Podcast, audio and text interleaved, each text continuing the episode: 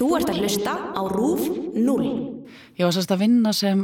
pródusent inn í San Quentin fangilsinu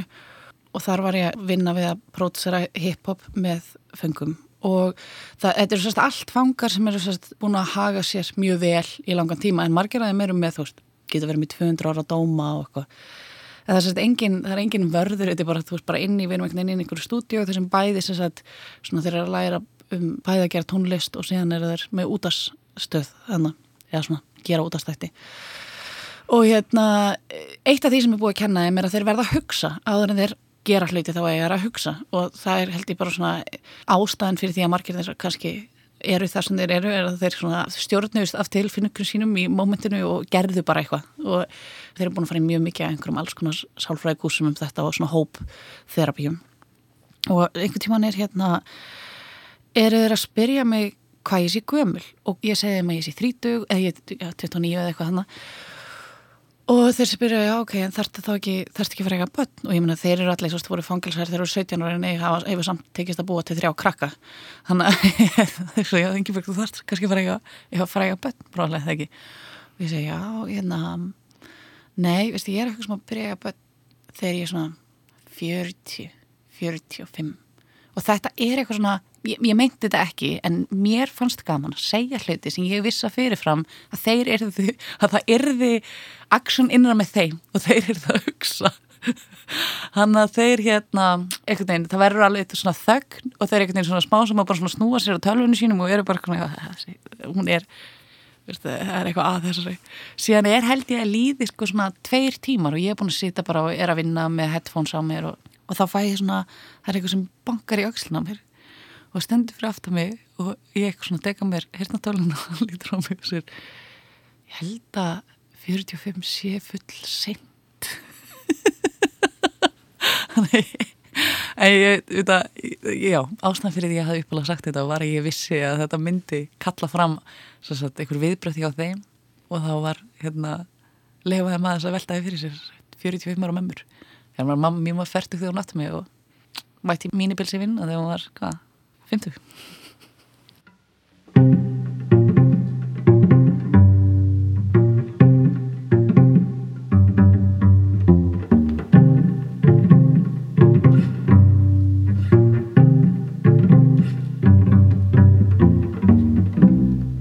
Hæ, ég heiti Hildur og þetta er Skaparinn.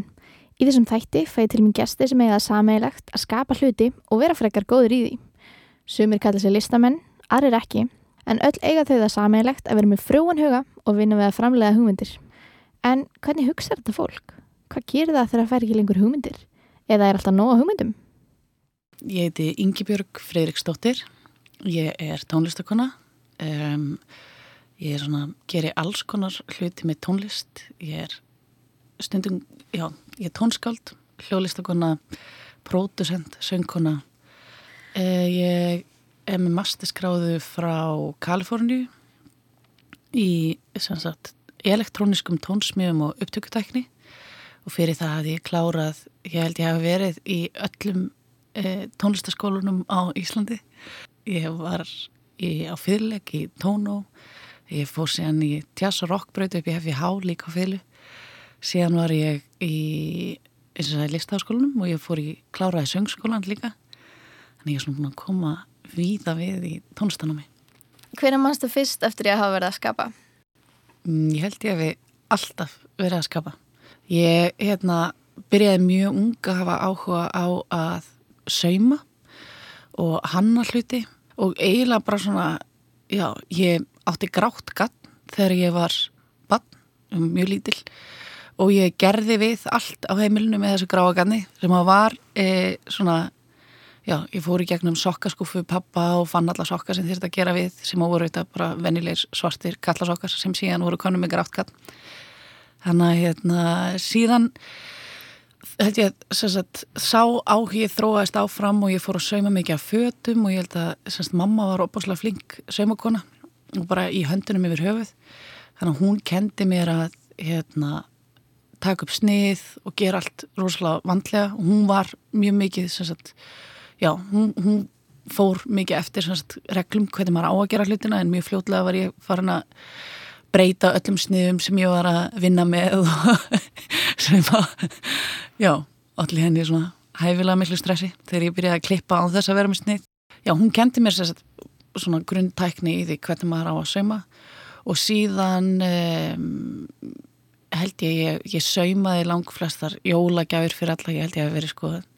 tíu ára þegar ég plata pappa með minnir í virku til að kaupa efni handa mömmu e, til að sauma hana pils í jólagjöf.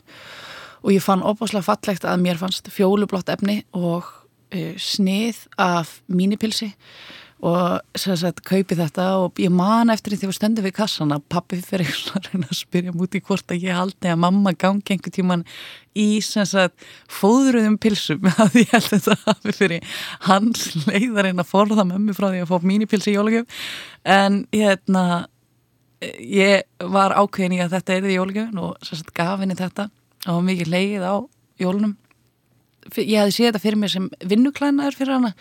og mamma var domstjóri eða dómari. En hún var líka eindisleg mamma og minn aðal stuðningsmaður í að, öllum þeim sköpunarverkefni sem ég laði að staði hann að ég man eftir Jóla, hún fór í þetta fjólublá mínupils og laði að staði vinnina í hérastum Reykjanes.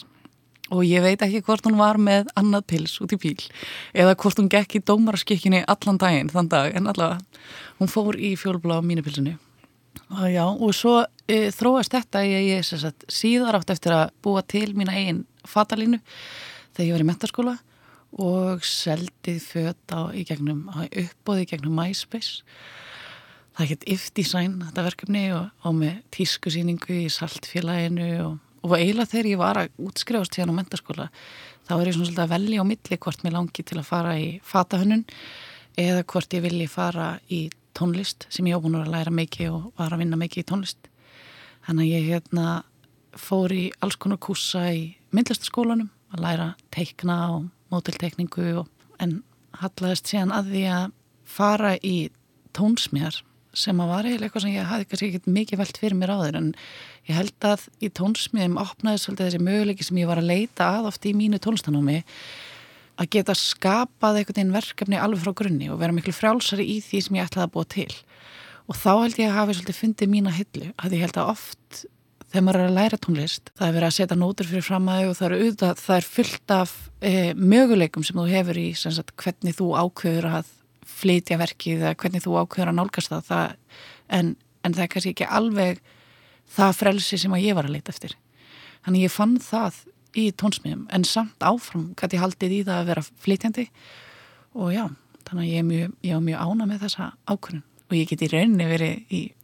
að hanna og gera alls konar hluti innan tónsmiðaverkefna líka. En mannstu hvaða var sem leti ákveða að læra tónlistina í háskóla? Um, ég held, ég, ég var búin að vera að vinna mikið í tónlist bara alltaf. Og ég held ég hafi sko ég var mikið sérst, að syngja og ég held ég að byrjaði að því að svona fá mín fyrstu borguðu gig þegar ég er svona 13 ára og koma fram ykkur staðar að spila og syngja. Og ég held bara það, mér fannst, í rauninni fannst mér minni ákveðin að ákveða að fara í bachelornám í sagt, listaháskólanum í tónsmiðum en síðan því ég stend fram fyrir því að mér langar til þess að fara út í mastersnám og ég ákveða að mér langar að fara til bandaríkina það ár sem ég er að sækja um þar mér varst, mér varst svo ákvörun erfið en það er líka það er óbúslega mikið fjárasleg skuldbinding á hvað að fara til bandarækjana í mastisná og þá allt í hennu held í stefið mig kannski svolítið svona þessi þú veist, hvað er þetta að gera? Er, veist, þetta, þetta er öruglega mjög óskinsamleg ákvörðun. En ég sé ekki eftir neina þetta er bara, það er gott að taka óskinsamlegar ákvörðanir Samvala Lang flest sem ég tek Alla mínar ákvæmur eru frekar, frekar liðlega sko.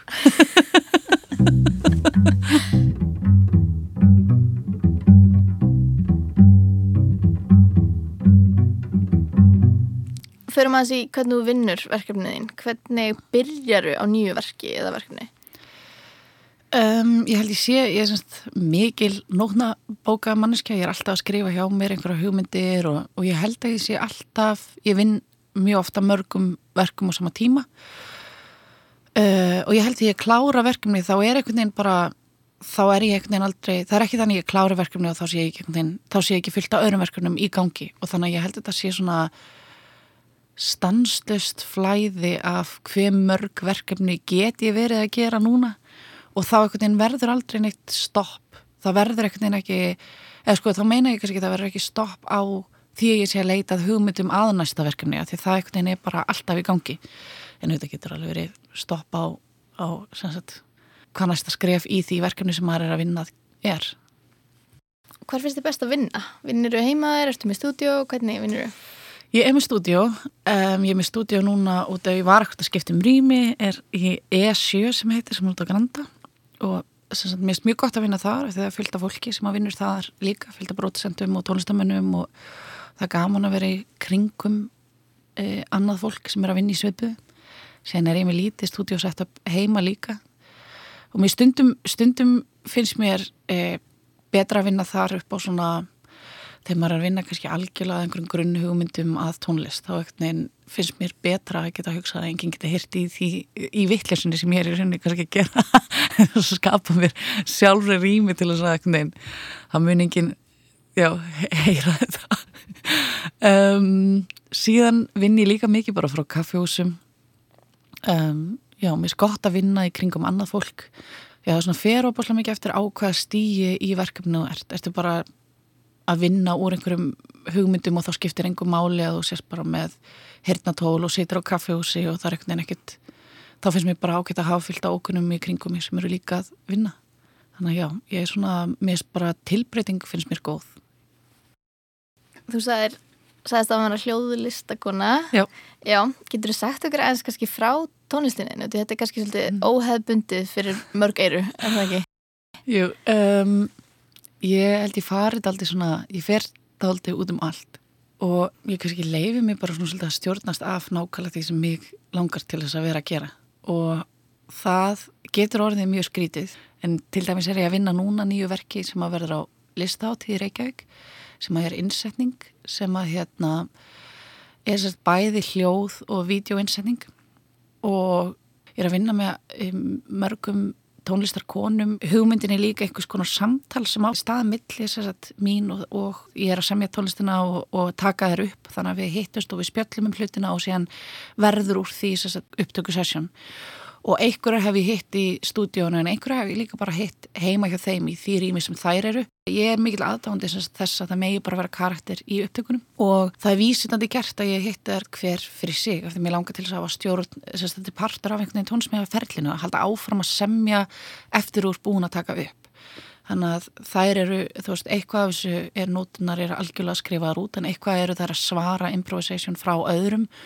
og þá kannski heyrir þú eitthvað sem Guðrún spilaði en ég, ég spila það fyrir því og þú ert að spila með henni en svo kannski að, að loka niðurstöðinu myndu spila í rauninni með sériði sem að svaraði kannski Guðrúnu líka og mér finnst gaman að velta fyrir mér líka hvernig maður getur skoðað upptökuferlið í tónsmíðasamhengi. En ég hef gert alls konar, ég hef smíðað mitt eigið hljóðfari sem var byggt á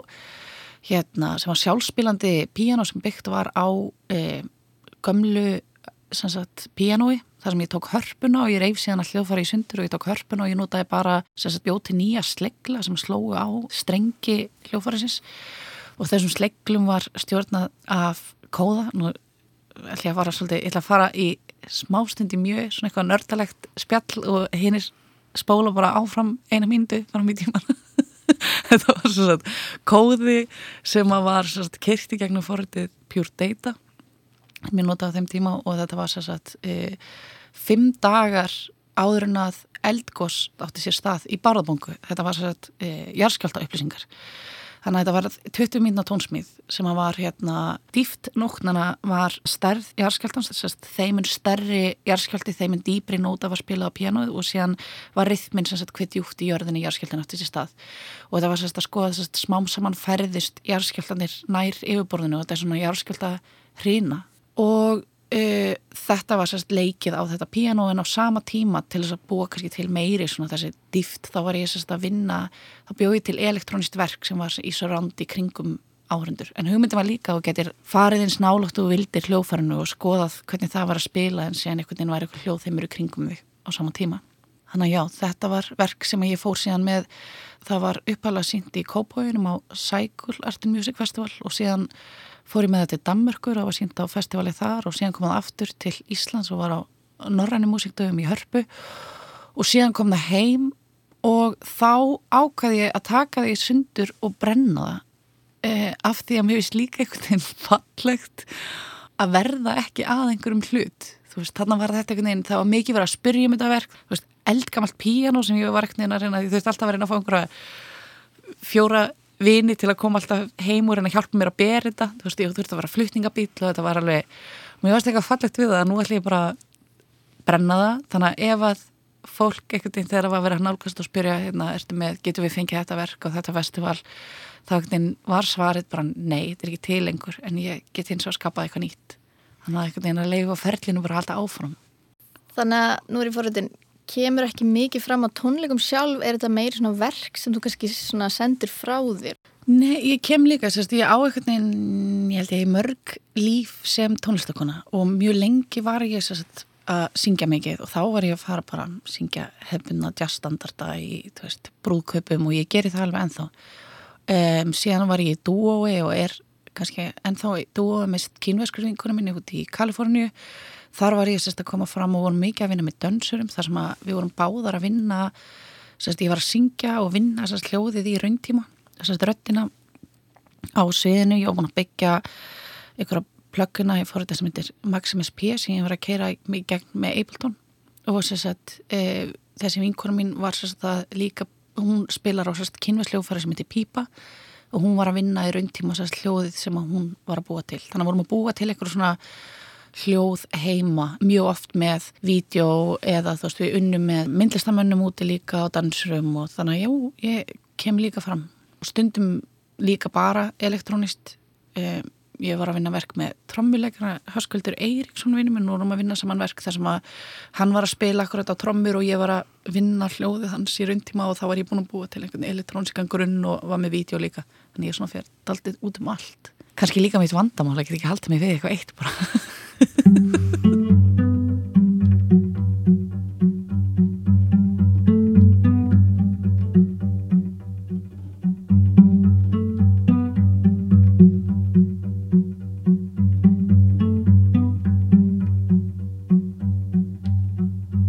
hvenar veistu að hugmyndi góð eða hvenar veistu að þú viljir virkilega framkvæma þennan hlut sem úrst hugsa um? Ég held að ég hugsa einhvern veginn aldrei þannig um það. Ég held að ég e, veldi því heldur ekkert sérstaklega oft fyrir mér hvort að hugmyndir sé góðið ekki. Það er kannski 20 hugmyndir í gangi á sama tíma og svo er allt í einu einhver sem bara kallar á að ég er farin að brenna miklu meira fyrir því heldur en einhver öðru. Og þá einhvern veginn dregst ég þá átt og þá allt í einu er ég farin að vinna í því. Og það er einhvern veginn rosalega lítið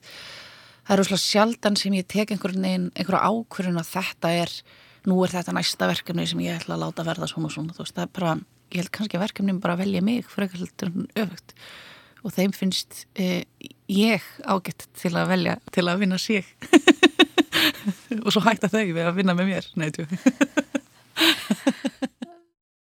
Spárið í hvað fólk hvað fólki minni finnast um listina þína? Þurfu að erst að gera hana eða, eða þurftu að fara að sína hana? Mm -hmm. Nei ég held ég spái voðalega lítið í því uh, ég, held sé, ég held að maður sé samt að ljúa en maður heldur því fram að maður velta ekki fyrir sér neinu ég held ég gleymi mér of mikið þegar ég er að skapa til þess að um, velta því fyrir mér hvort að fólki finnist þetta skrítið eða einhvern veginn eitthvað svo leiðis. Ég held að þá er ég bara í einhverju ferli þar sem ég er bara einhvern veginn að búka til og það er einhvern veginn áhörninni komaði kannski ekki beint við. En ég held ég auðvitað langar mann til þess að fá góð viðbröð. En þið langar líka kannski ekki bara að fá einhverja viðkenningu á þessi góð viðbröð. Þið langar til þess að hafa áhrif á fólk. Þið langar til þess að fólk lappi inn í rýmið og, og það reyfi við því þú veist, saman hvort þú sért að flytja tónleika eða hvort þú sért að setja upp innsetningar eða hvað sem það er. Ég held að, jú, ég örugla veldi fyrir mér þegar að, þú veist, á hólminni komið, en, en þá hafa einhverju stíði sem ég get ekki breytti. Þá er það einhvern veginn bara orðiðanig.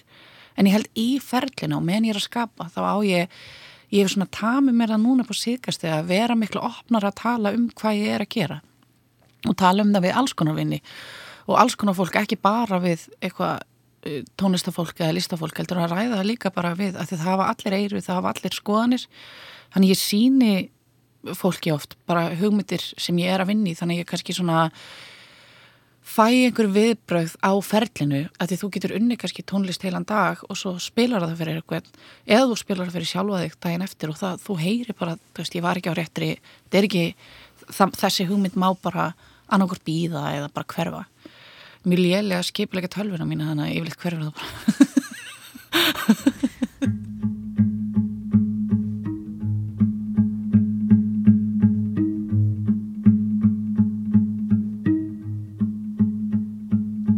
Hvað finnst þér mest krefjandi við vinnuna þína? Um, mér er krefjandi að vera einn. Ég held að það sé eitthvað sem kom mér á óvart. Ég er óþarflega félagslind lífara og mér veist, það kom mér á óvart í rauninni þegar ég fór að vinna mikið í tónsmjöfum og bara production og öllu þessu hver mikið ég er að vinna einn og ég held að það sé, þú veist, af því að ég þarf að vera, ég þarf samt að setja hann tíma og ég þarf að vera einn af því það er ekki eitthvað neinn, eða mjög oft, þú veist, þá er ekki það er bara ákveðinu hluti sem þurfa að klárast og já, þannig ég held að það að hafa agan í það, hugsa ok, þú veist, ég Veist, ég mun bara núna næstu tól tíman að þurfa að vera að vinna í þessu og ég er eiginlega ekki að fara að tala henni og þess vegna fyrir mér ágætt að akkurat eiga rýmings þórið í bæ þar sem ég get allavega að fara fram í kaffi og sagt hæ við fólk í smástund og koma svo aftur inn í stúdjó Tengiru líðan einhvern veginn við sköpunina? Finnst þér þú skapa mismunandi eftir hvernig þið líður eða líður betur þegar þú skapar eða líður verður þú ekki skapa? Hvernig er það?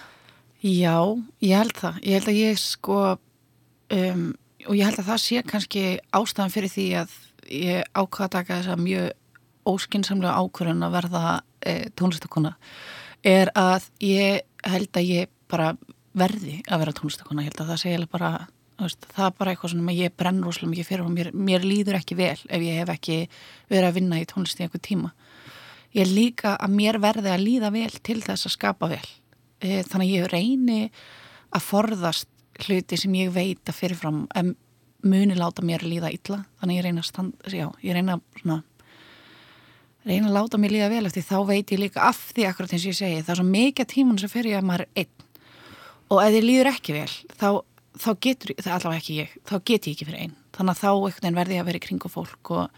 þannig að já, ég held bæði það að líða vel en svo lætur það að skapa mér líða vel. Ertu eitthvað tíman stopp í ferlinu? Og hvað gerir þú þá? Já, ég held að allir verði einhvern tíman stopp. En hérna, ég held að þá